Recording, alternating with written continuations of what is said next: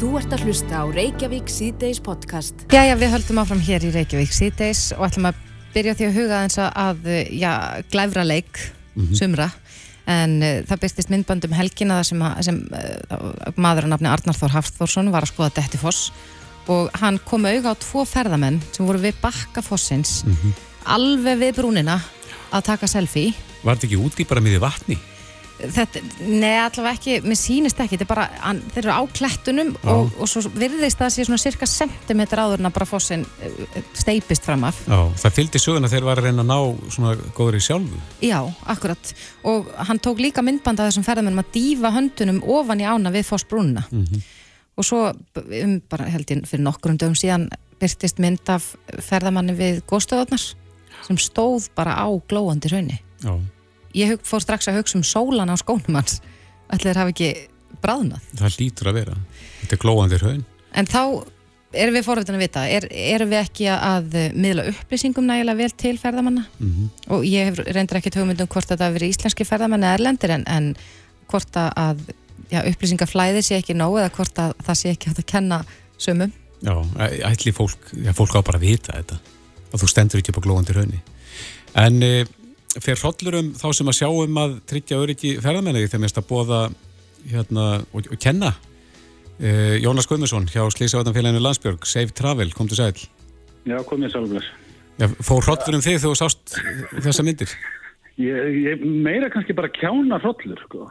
En, en þetta snýst náttúrulega um það að við erum með, við erum með öflugt starf, ég held að sjálfur óvægt að segja það, hér, hér á landi að upplýsa ferðamenn, bæðin innlenda og erlenda, gerum þá margskona máta með vefsíðu með yfir 100 sjónvarpundur eftir um landið, ferða þjónastunum gerir helling þar að hvert fyrirtæki sig- fyrir sig, þjóðgarðarnir umhverfi stofnun og við náum til margra, líklegara flestra, en við náum ekki til allra. Akkurat. Og tótt við næðum til allra, þá er alltaf einhverjir sem að fara út á brúnina á stundum í orðsins fylgstu merkingu. Og mörgum stöðum í heiminum þá er hreinlega búið að banna sem sjálfur, sem selfies. En þess að það er bara valda slísum og, og semst það er búið að banna þeim með prikum þegar fólk situr út svona sjálfur prik og lappar aftur og bak og að ná einhverju skoti og allt inni bara lappar að fram af. Þannig að, að þetta er alveg vissilega hætta, ákveðin hætta í þessu en, en í þessum tveimur tilvikum þá held ég raunverulega að það myndi litlu máli skipta þó þau vissu allt sem þurft að vita. Ég held að þetta sé, sé svona einbeittur brota vilji eins og það heitir. En nú er alltaf að verða algengar að fólk er, er auðvitað með síma á lofti allstaðar, taka myndir, uh, akkurat. margir er að búa til efni fyrir samfélagsmiðl og annað slíkt. Hefur þetta aukið hættuna einhver liti?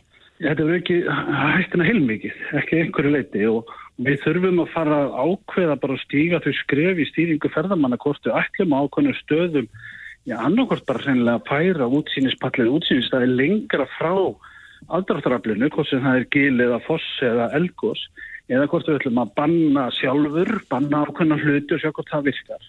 finnst þið komið tími til þess?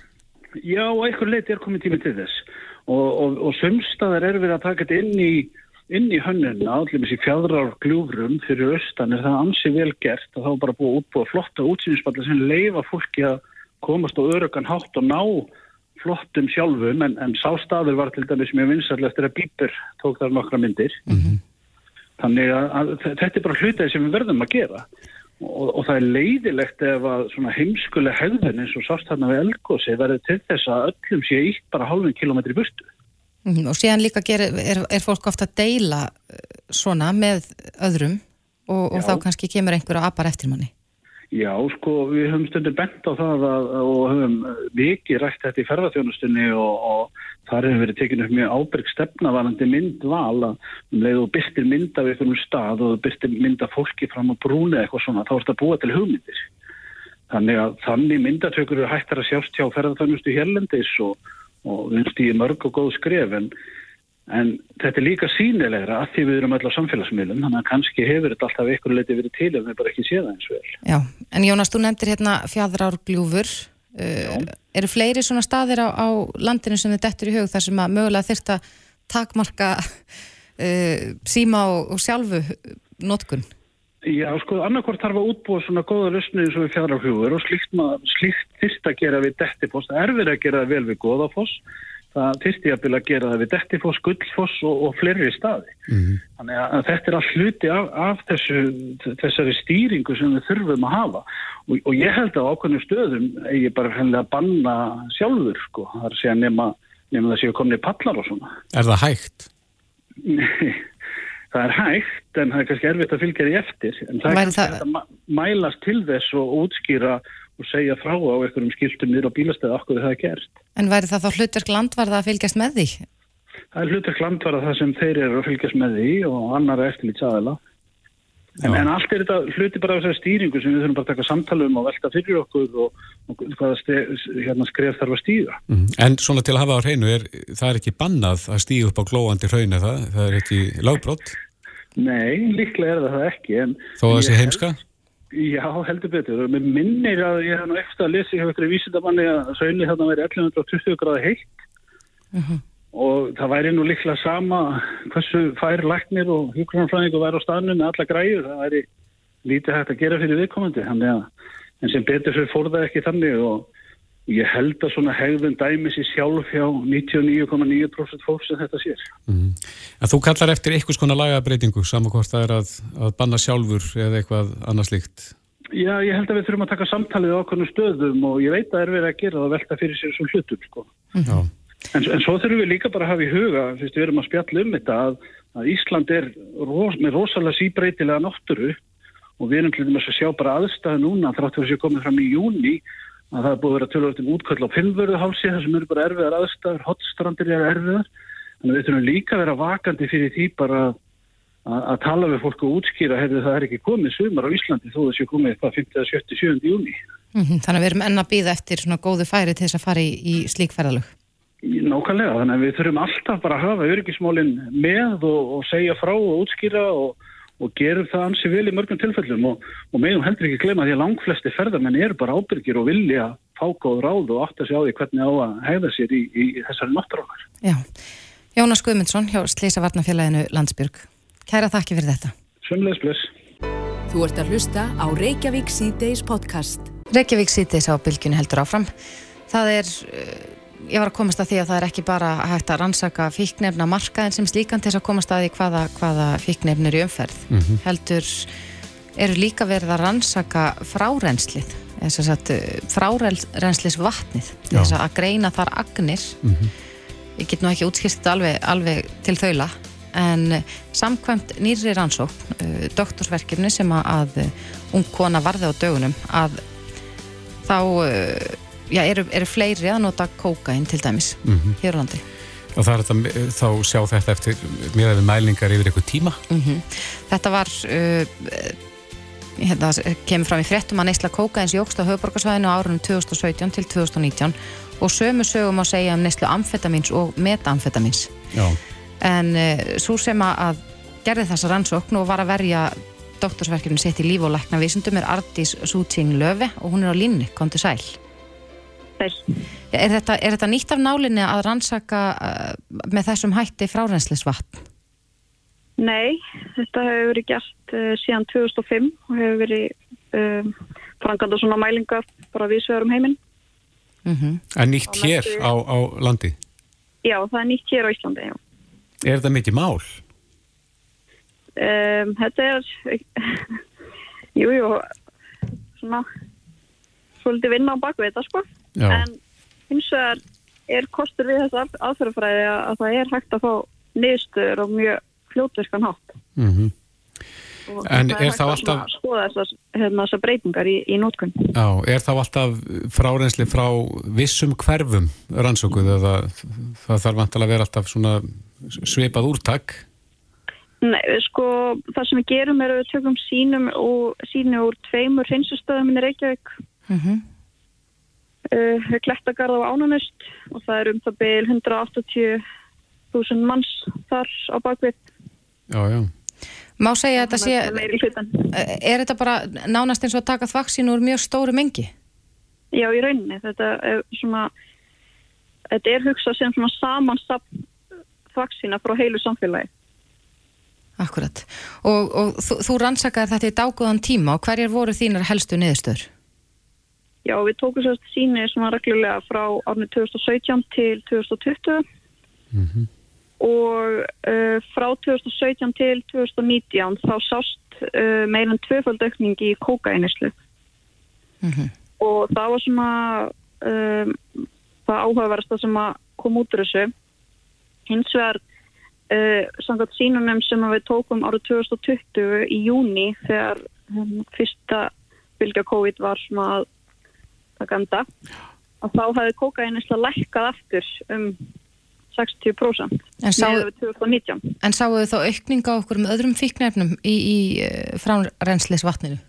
Uh, við sáum svona svip, svipamagn á amfetamíni, metamfetamíni og MDMA sem er það sama og, og ecstasy í mm -hmm. og hérna en við sáum líka aukningu í kannabisnótkun í COVID um það vil 35% þannig að þetta er svona bendið til þess að svona neyslu minnstri sé hafi aðeins breyst í faraldrinum mm -hmm. þannig að skemmtistæðir eh, takmarkaður okna tími skemmtistæð á þessum tíma og, og hérna getur verið líka takmarkaður flutningslegurinn í landið á þessum já. En er eitthvað kenningar svona varðandi þessu aukningu sem var þarna frá 2017 til 2019? Já, sko það sem við sáum uh, í sínum úr aukumannum eftir uh, hrunni 2008 þá sáum við sagt, var, fyrir hrunni þá var aukningi kókain líka. Svo eftir hrunni þá lekkaði aftur. Þannig að það sem að gæti spilað inn í er efnahags ástandið mm -hmm. að eftir 2014 þá svona byrjaði hérna ferðaðiðnaður að lifna svolítið vel við á Íslandi og þannig að við, það er svona okkar kenninga að þetta haldist svolítið hendur að, að með svona betra efnarsástandi þá getur það haft áhrif á auknum neyslu á kokaini. Já, já. En þú segir að þessi aðferð er þekkt viða Erlendis. Erum við með eitthvað samaburð á, á Íslandi og nákvæmlega löndunum? Já, við höfum búið okkur saman við, við erum hluti á stóru svona Evrópu samstarfi. Þannig að árlega koma, hérna, kemur þessi samanburður er byrstur af EMCDDA og hérna uh, það, sem að, það sem að hefur aðalega komið út af því að er, er að hérna, amfetaministla er svona heldur há í Norðurlöndum með önnur Európlönd mm -hmm. og já En, en gáttu þið mælt einhverja svona toppa var eitthvað minnstur hægt að sjá að á einhverjum ákveðum tíma ársværi meiri neysla af kókaini eða amfetamin eða eitthvað í þáttina? Já, við vorum líka sérst, að skoða vikusveiflur og þá vorum við að skoða sérst, uh, bara virka daga samanbúrið við helgarnar. Mm -hmm. Og hvernig og það, var svo neðist það? Þá vorum við nánast uh, í öllum tilveikum, í þessum 11 vikum sem við söfnum yfir frá 2017 til 2020 mm -hmm. að þá sáum við alltaf aukningu í nótkuðun MDMA. Um helgar? um helgar, já. Og það er svona, það fíknefni sem er svona oft, uh, tengist oft svona skemmtanlífinu. Mm -hmm. Þannig að það er þekkt í öðrum löndum líka. Og við sáum líka uh, aukningu í kókaini um helgar. Uh, svo tókum við líka síni á Iceland Airwaves árið 2017. Mm -hmm.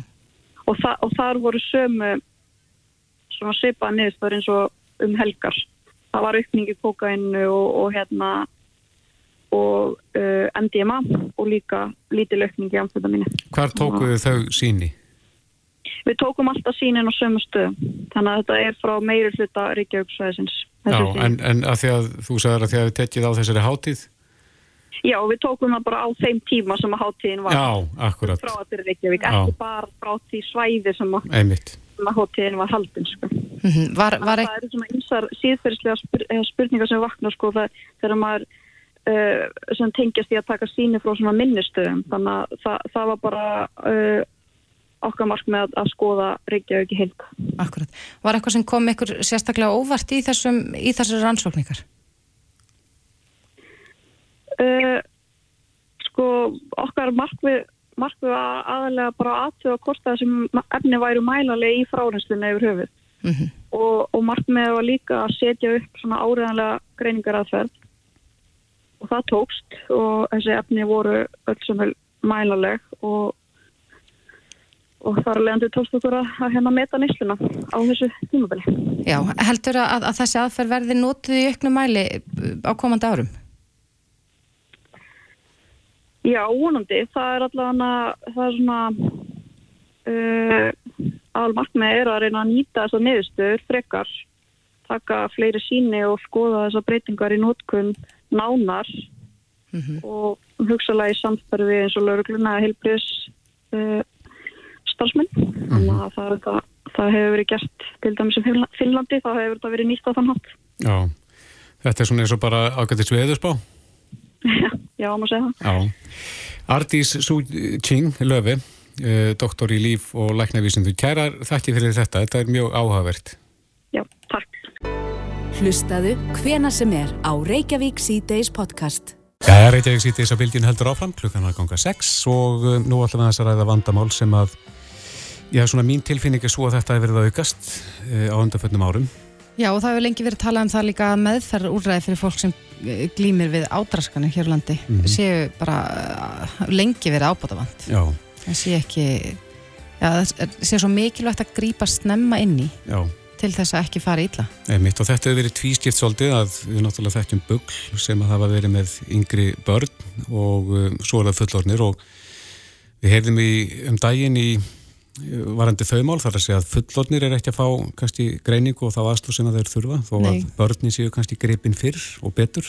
Mér skilst að það sé sko alltaf átján mánuða beðtími eftir að fá meðferð mm -hmm. við átrúskun og það er bara alltaf langur tími. Mm -hmm. En það er búið að stopna samtök sem að fengu nafnið Sátt, þetta eru samtökum átrúskun og Elin Vigdi Skuðmundsdóttir, stopnandi, er komin til okkar, velkomin. Takk, takk fyrir að fá okkur, eða mig. Hvert er svona ykkar markmið með, með stopnum þessar samtaka? markmið samtakana er að auka fræðislu og forvarnir. Mér finnst það mjög mikilvægt og það er mjög slæmt hvernig staðan er núna. Vantar í skóla, inn í íþróttafélagin og bara almennt í samfélagið og í helbriðstjættinu líka. Og markmið er að bæta meðferðarúræði, að þau séu betri þar sem þau eru á landsbítalanum og líka að færa í raun og meðferðarúræðin á fyrir stig þannig að þessi hilsugjæslan hægt að grýpa þar sé þekking og reynsla á ádurskunum þannig að snemntæk íhlutin getur átt sér stað.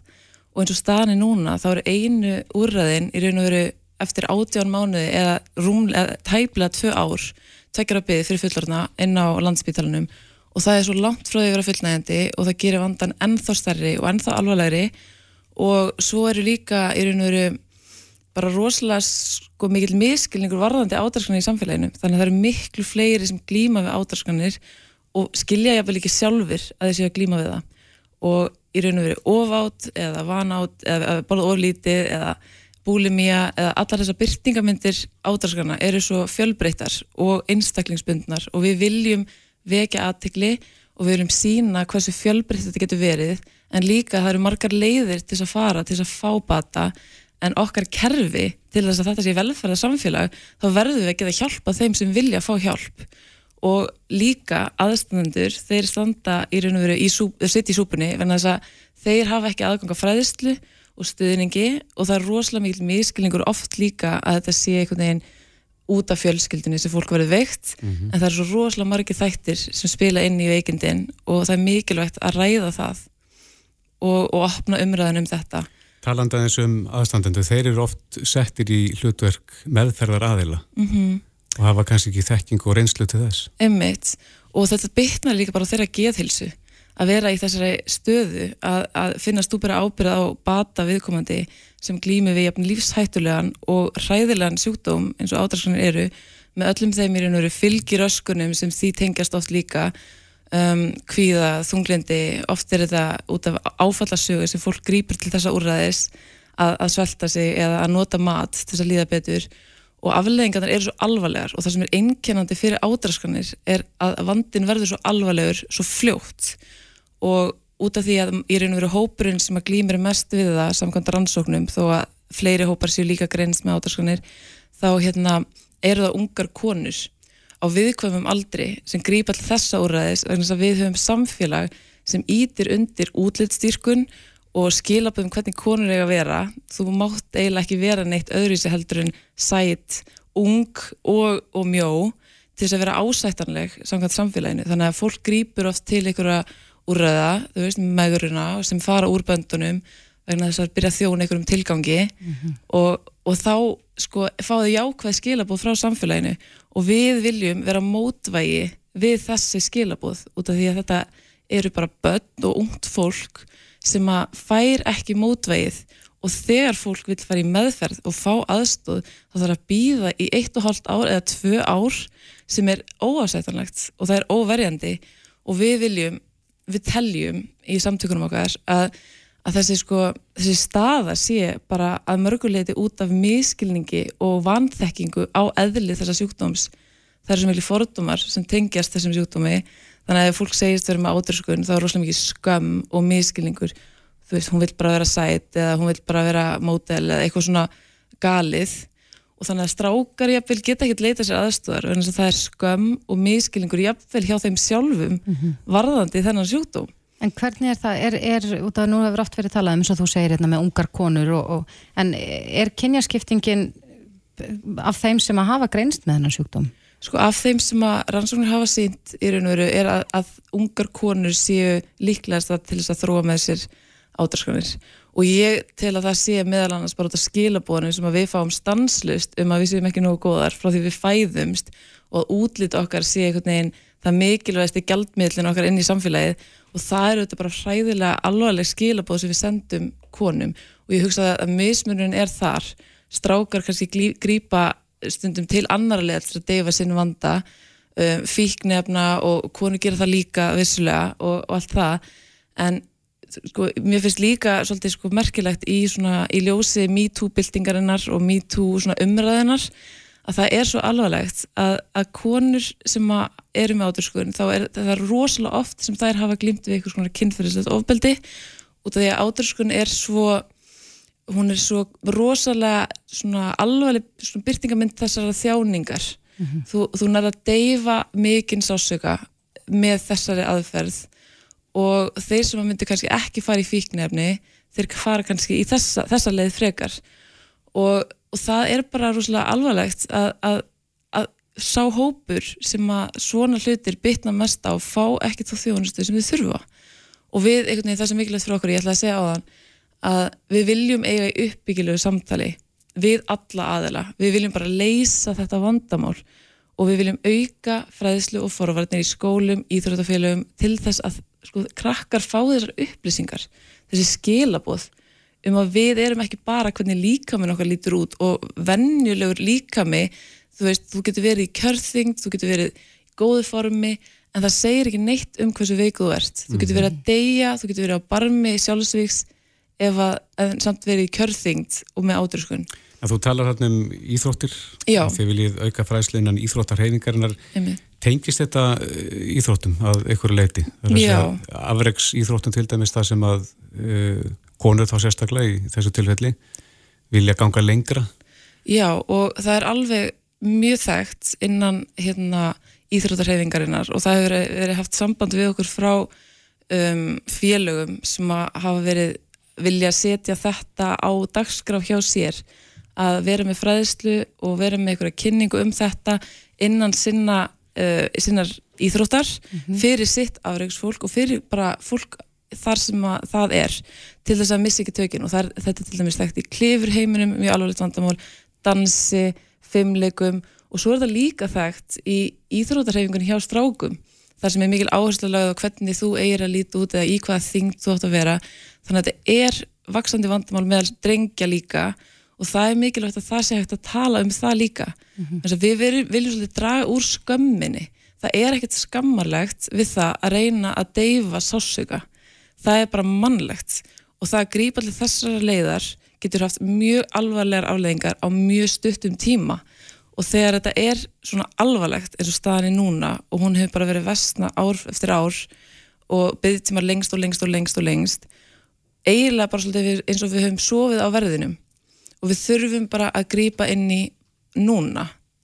Og við viljum bara fræða og við viljum bara auka umræðina og búa til í raun og veru vettvang þar sem fólk getur komið fram á þess að skammast sín. Og ég glimti við átröskun fyrir 15 árum. Ég fekk meðferð sem var fullnægandi og svo meðferð ekki neitt nálætti er í bóði hér á landi.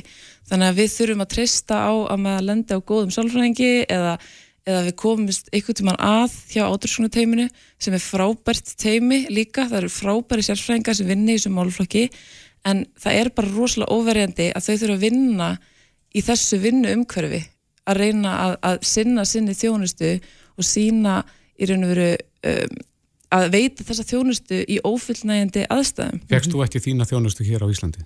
Nei, ég fór til Kanada í meðferð í þrjá mánuði uh, fyrir 15 árum, beint eftir stúdinspróf og það mátti bara enginn vita. Þetta var hræðilegur smánar blettur fyrir mig að vera með ádröskun og það sást ekkert, mín er nánustu vissu það, en, en svona ekki, ekki neitt rosalega margir þannig séð, ég leit bara út fyrir að vera með allt á hreinu og það snýrist allt um það, en ég var alveg að drepa mig. Þetta var bara mjög alvarlegt. Og um, eftir ég fór í meðferðina þar sem ég tókst á við þennan vanda uh, sem var mjög erfitt en líka mjög ánægilegt þegar maður finnir aftur sjálfan sig um, þá vildi ég líka bara segja það upphátt, þannig að ég er svo stolt af því að hafa gert allt þetta flókna, allt þetta vinnu sem þetta krafðist að koma mér út úr þessu lífshættulega ástandi. Og það er hægt að ná bata frá ódurskun mm -hmm. en við þurfum mjög mikla aðstóð og við þurfum ekki að rætta þetta. Þannig að skömmin sé allavega ekki líka ofan á allt að tröfla okkur En eh, núna undanfarin ár hefur notkunar samfélagsmiðlum aukist og alltaf æg yngra, yngra fólk eða yngri börn að nota samfélagsmiðla og, og þar er vissulega ítt undir einhverja fegurða staðla og annarslíkt. Eh, heldur að þetta gerir þetta enn starra vandamáli? Algjörlega og ég, ég vissi sko þegar ég kom úr meðferðinni að mér langaði þess að hjálpa að mér langaði rosalega mikið til þess að hjálpa þeim sem væri þessari stöðu, ég var meðvituð um að ég var heppin að fara út í svona fína meðferð þar sem ég gæti verið bara í burt frá mínu umhverfi og tekist á við allt þetta leiðilega allt þetta sem að ég var að bæla og deyfa og allt þetta. Þannig að ég vildi hjálpa en síðan ég, eftir ég kom heim þá hef ég bara farið inn á farið eignast börn og bara gera aðra hluti, sinna öðru og ég hef svona talað við stelpur inn á millu og ekki skammast mín fyrir þetta. Ég hef alltaf verið ofin með þetta. Þannig að fólk hefur komið til mín svona einn og einn inn á milli en ég hef svona ekki farið beint inn í þetta fyrir fyrir árið síðan. Þá byrjaði ég að kenna jóka og hugleðslu hjá átursona teiminu sem er alveg frábært teimi en við, uh, þá sá ég bara hvað er rosalega alvarlegt.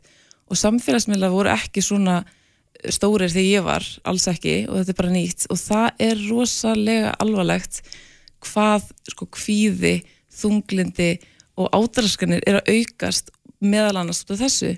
Þannig að við erum ekki að fara í ykkur að herrferð að leggja niður samfélagsmiðla en við erum að fara í herrferð þar sem við erum með mótvægi við skilabóðunum sem fólk fær á samfélagsmiðlum. Mm -hmm.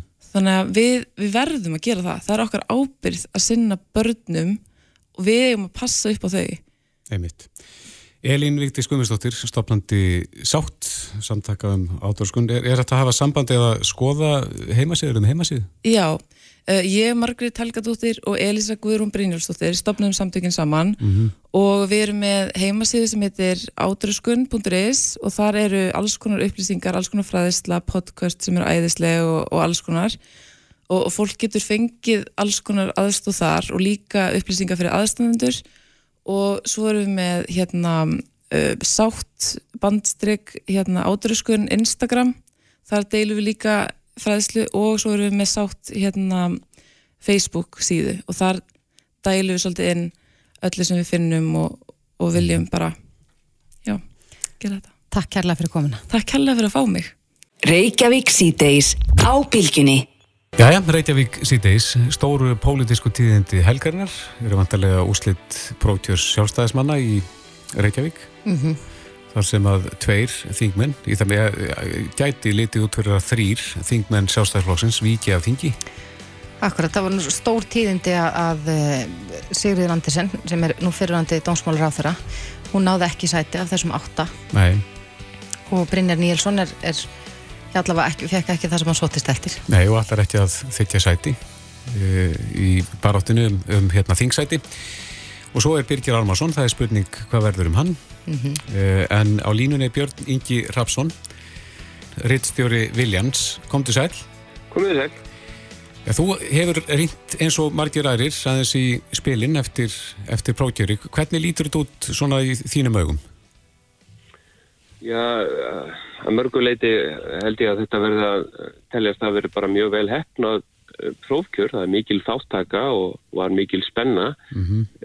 Það gerist oft þegar að er harður slagur um oddvitasætið hins vegar eh, er, er sárindi núna út af því sem þið nefnið að það eru þarna þingmenn sem hafa verið fyrir sem að eh, eru útleið og það er nú einu sinni fylgifiskur þess ef að menn vilja að reyna að fá einhverju enduníun að það er bæði gott að fá nýtt fólk en svo sér, sér fólk eftir þeim sem fyrir eru en það er bara ekki hægt að gera öllum til hæfis. Mm -hmm. En Björningi, nú hafa bæði Brynjar Níelsson og Sigurður Andersen verið mjög duglega við að tjá sína skoðunir á sóttvartamálum og annars slikt síðastlið ár. Heldur að þetta spili inn í, í gengi þeirra í prókjörnu?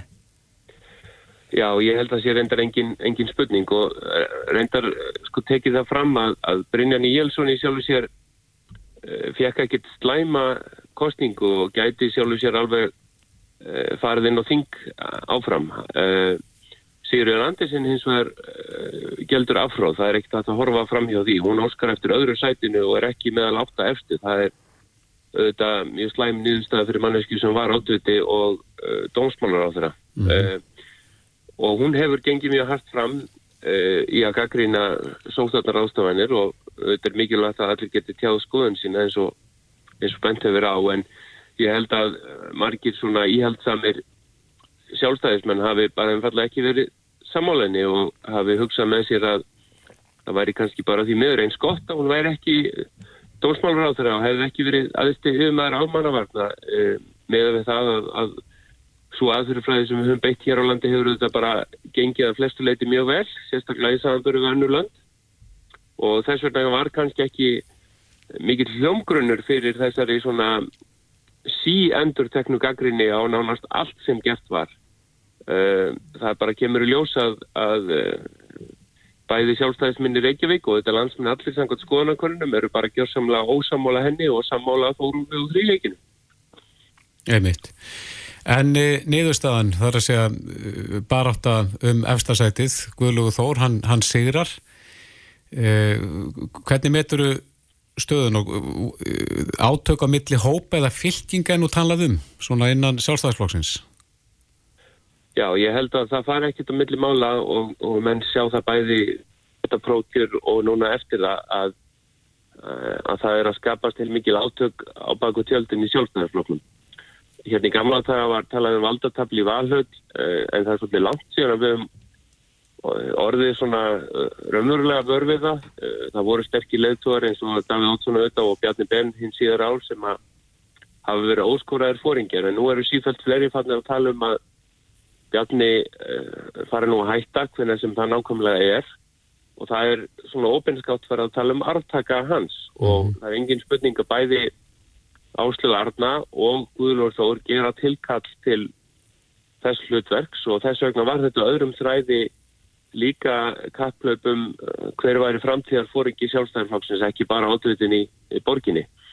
Og maður heyrir þá stuðningsmennum begge aðila að þau tókuð þetta alvarlega sjálf og eh, eins og hefur bara komið fram að þá eh, voru töðurna svona þandar til þess ídrasta þannig til lokin og, og settar fram aðtöðasendir til yfirkjörstjórnar og, eh, og ég sá nú bara flett að vísi á þann um, um Sigur Æðu Guðlöks þar sem hann er einmitt að tala um að það hefur verið gerað allag aðsér sem oddvita og, og hún hefði ekki tekist og þá sjáum við bara sjálf hversu alvarlega þau tókuðu þetta og Og, en það er nú bara þannig að bæði geta mjög vel við unnað. Eh, bæði held ég að það sé auðvitað gífulega sigur fyrir Guðlúð Þóra að hafa sínta að hann vinnur einn eitt prófkjörið, hann nær sínum árangri, jafnvel þó að margir telja að svona valda elitan sé ekki á hans bandi.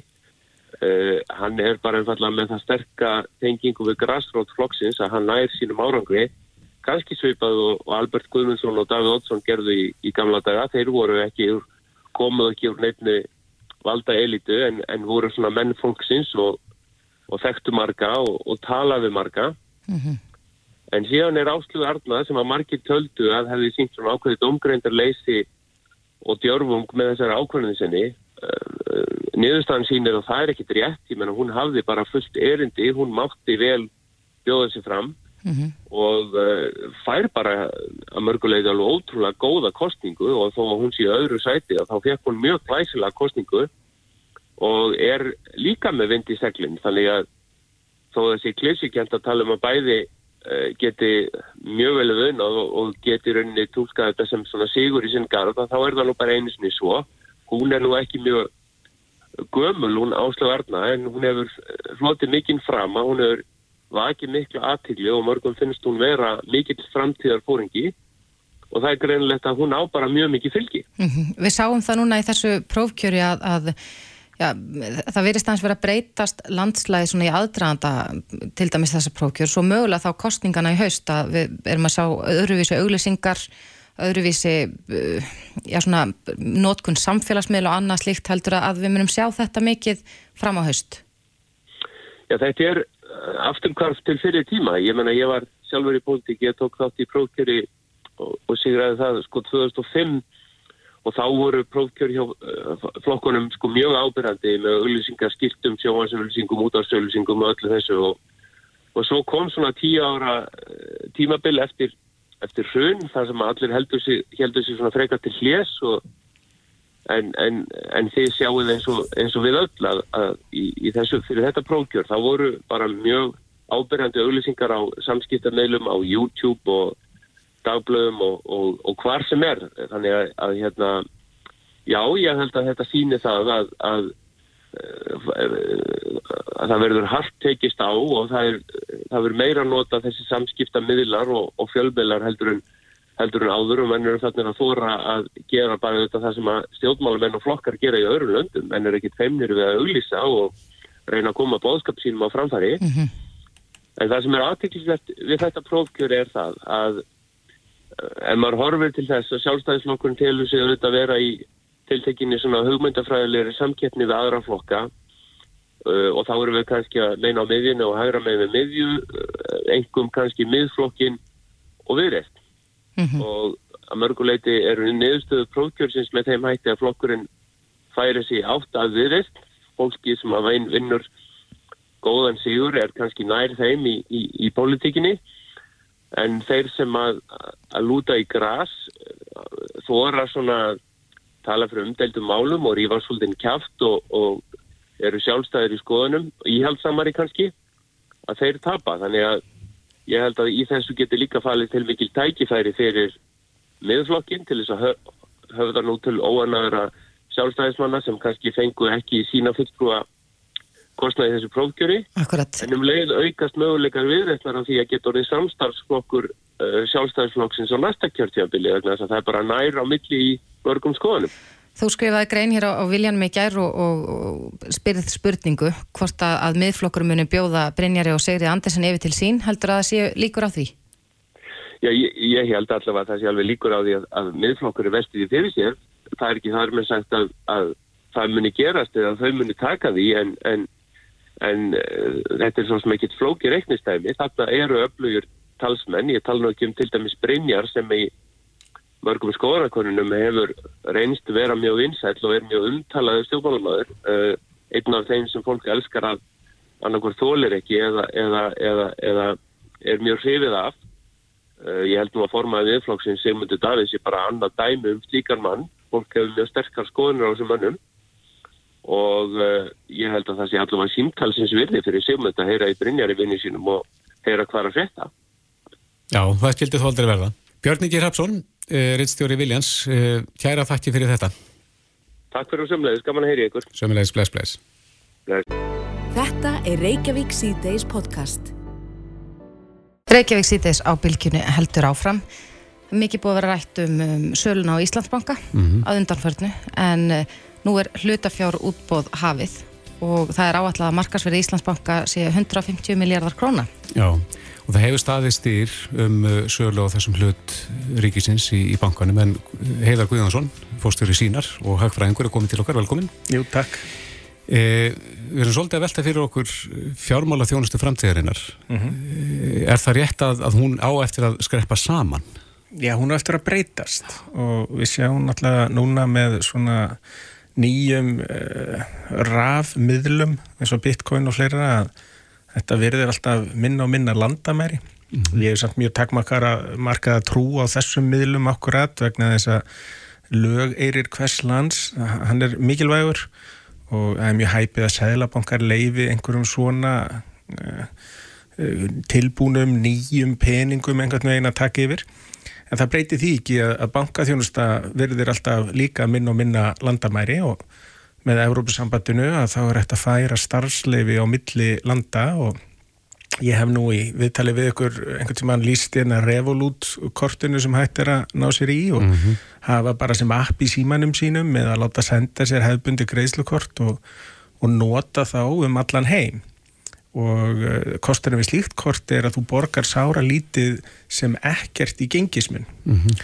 og þannig er þetta að geima þess vegna sparnaðin sinn og, og leggja inn á og í staðis að borga 4% mun eins og hefbundið er og þú ert að nota greiðslukort alltfjóðlega að það losnar við þetta. Þetta Revolut, þetta er, er bara eins og app eins og app Íslandsbanka eða Arjónbanka? Já, já, já, og, og Íslensku bankarnir svo sem eh, hérna fyrir 20 og eitthvað árum síðan, 25 árum síðan, eh, þegar fyrstu netbankarnir eru að koma, ég held að það hefur verið 97-98, að þá uh, gerðu þeir vel í því að venja almenning við að afgreða sig sjálfur og náttúrulega þegar fólk er að höndla með launin sín og sparnaðin sín að þá er fólk almennt frekar íhaldsamt þannig að svona breytingar gerast kannski yfir lengri tíma heldur en mhm. með aðra hluti.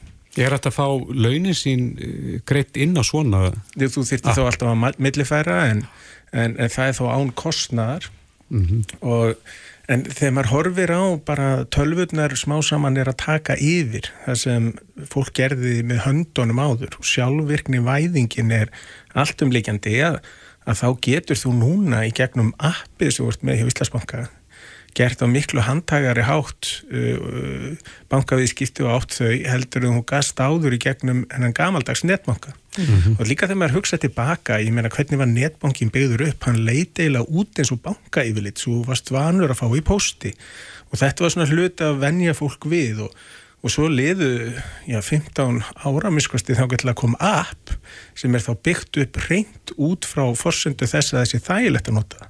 Og þarft ekki að fá fólk til að trista því að eiga viðskipti í gegnum snjáltæki það er komið og þá er næsta skref að eiga þau bara sem handhægastan hátt.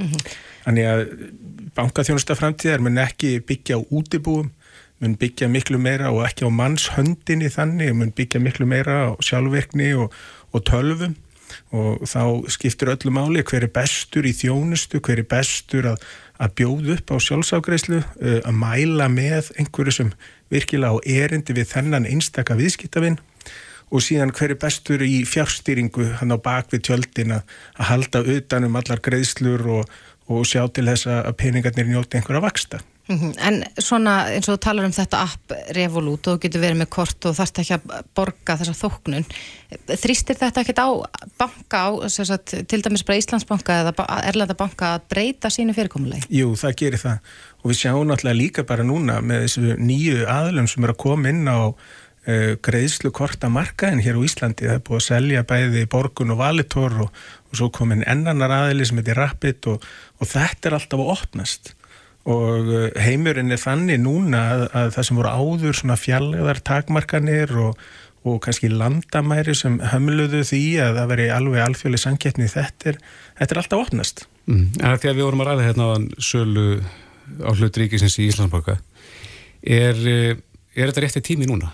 Já, það, það allur tími er eiginlega góðu tími til að Já. selja banka Eh, ég hef nú reyndað mikla trú á þessu útbóði, ég held að þetta sé gott verð og nörgla ganga vel en En ef það fyrir ekki, ef það er beði lengur, getur þá þessi hlutur rýrnað? Já, vegna þess að til lengri tíma litið þá er mjög hæpið, segjum eftir tíu ár eða fimm ár, bara eftir fimm ár, að það mun bankalanslæði hér vera talsvert frábröðu því sem er í dag. Og þá bankar sem fylgja ekki breytingunum eða e, þeir, þeir geta orðið illa úti. Mm -hmm.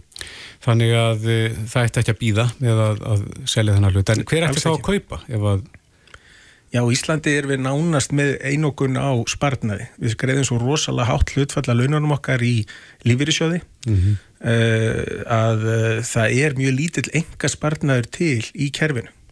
Á móti kemur að lífyrísjóðakerfið er alveg gríðarlega stort og fjárstert og þeir geta haglega keift banka en þá er alltaf spurningin er þeir góður eigandi að banka. En er þetta góð kaup? Já, til skams tíma, til nokkur ára er þetta örgulega ágættis kaup en til lengri tíma þá þarf þetta að tryggja það að þarna séu aðelar sem huga að svona framtíðavirði bankans e, er ekki bara að fylgjast með í eftirlitslutverki heldur raunmjöla eru stefnumarkandi og sjá til þess að bankin e, fylgi nýjustu ströymum og stefnum og, og verða ekki undir í sem ég vil meina verði alþjóðlega sankjafni. Mm -hmm. Heiðar Guðnarsson, fórstjóri sínar og hagfræðingur, kæra þakki fyrir komuna. Takk, takk. Reykjavík síðdeis á Bilginni podcast. Ansóknum að þá er hægt að tefja elli kjallingu mm -hmm. og um, svona, tefja það að fólk myndi með sér elli glöp með því að fólk læri að meðhandla tónlist þar er að læra að spila á hljóðfæri Akkurat e, spila á hljóðfæri og semja lög og annað slíkt Maður hefur nú oft heyrst sko sögur og af rannsóknum í tengslu við Alzheimer sjúkdóminn mm -hmm. að uh, hvernig tónlist kveikir oft á einhverjum stöðum í heilanum sem að, fólk held að vera glataðar og, og þannig að það er alltaf að sína sig á sanna að tónlist getur í raun og veru skipt sköpum. Já, þú sér það eins og bara spila piano og þú þarfst að samhæfa sko vinstur og hægri mm -hmm. Ég kann ekki á hljóðfæri en þeir segja það að það sé aldrei og seint heldur að byrja að eh, læra tónlist Á línunni er Magnús Kjartansson, hinn þjóðþekti tónlistamæður og uh, tónlistakennari til langs tíma. Sæt mæki? Já, komið sæl. Kemur þetta þér óvart með niðurstöðu þessari rannsókna? Uh, ég veit ekki hvað skal segja. Ég er nú engin sérfræðingur í akkurat þessu sko. En það er vel hægt að giska á að þetta geti haft... Uh, haft uh, mikið að segja mm -hmm. kannski sérstaklega höfum við séð í sjómarfi og annar staðar höfum við séð uh, eldri borgara ljóma upp þegar þeir fá að heyra tónlist sem að tengist endurminningum mm -hmm. Er, er of senkt að, að byrja að læra á hljóðfæri á, á fullorðinsárum eða Þarf maður að hafa einhverja reynslu sem barn til þess að nákvæðum tökum og slíka? Nei, nei, pappa hafði ekki allir uh, spilað og, og þurklað á, á, á hljófæri sér til ánægi. Það er öruglega bara mjög hort og kannski ekki sjást á mér. en, það er sko, það er öruglega sko alveg jafnholt og til dæmis að fást við skák eða, eða hitta fólk eða annað. Það er aðalatrið örgulega að vera að gera eitthvað sem að veitir manni ánægju. Það, það, það bætir alltaf lífið. En nú hafa eflust einhverjir sko hugsað tilbaka og, og hugsað ég vildi að ég hefði lært á hljóðfæri hér áður fyrir því að ég var yngri en, en er algengt að, að fólk komi svona efri árum og læri á hljóðfæri? Nei, það er það ekki. Nei. En það hefur, það hefur gert og, og til dæmis mjög algengt að fólk sem að læði á hljóðfæri þegar það var á yngri árum og hætti mm -hmm. og langar að byrja aftur. Takk upp þráðinn. Já. Og er það... Ég var með, ég var með gamlan mann á hérna í, í tónstskólum í Hafnarfyrði sem kom til mín og spilaði og hann var gammal hessaríki frá Kanada og uh, spilaði bara kirkjutónlist og, og, og uh, talaði um öll orgelin sem hann sá sprengt upp í setni heimstyrjaldinni þar sem hann kom sem hessarík inn í borgis. Mm -hmm. En Magnús, fyrir þá sem að, eins og þú talar um að einhverju hafa mögulega lært á hljóðfæri áður og, og vilja kannski taka upp þráðin aftur síðan meir, en fyrir þá sem hafa aldrei lært neitt, er nöðsina að sko fara til dæmis og læra tónfræði og annað til þess að geta spilað hljóðfæri? Sko, um, það, það, já, það myndi ég áallega, annað verður bara fyrkt, en fyrkt er ágætt líka það er alveg saman hvað maður fyrta við, það er alltaf að minnst að úrstu eitthvað til að dunda sér við Mm -hmm. og ég hvet fólk til þess að- prófa sko. Já. Ef, ef að fólk langar núna, segjum að það er eitthvað að hlusta á okkur sem að hefur langar lengi að koma sér að stað aftur eða læra á gítar eða píanó eða munnhörp eða eitthvað slíkt, hvert getur fólk leitað? það eru alls konar uh, hérna, möguleikar í gangi þar. Það eru gítar, uh, skólar, það eru enga tónlistaskólar, það eru tónlistamenn sem að taka fólk í kennslu, börn og fullotna og uh, hérna, það, það þarf engin að vera lengi að finna sér leið til þess að fá aðstóð. Mm Þetta þjálfar hugan? þetta þjálfar hugan og, og uh, veitir sælu og, og ánægju og ánægja og sæla lengja lífi, það er alveg öðru. Já, það, við höfum þetta bara svona loka orðin en það er góð loka orð. Magnús Kjartansson, kæra þakki fyrir spjallið. Ekkert að baka. Ansóknum að þá er hægt að tefja elli kællingu Mhm. og uh, svona tefja það að fólk Reykjavík síðdeis á Bilginni podcast.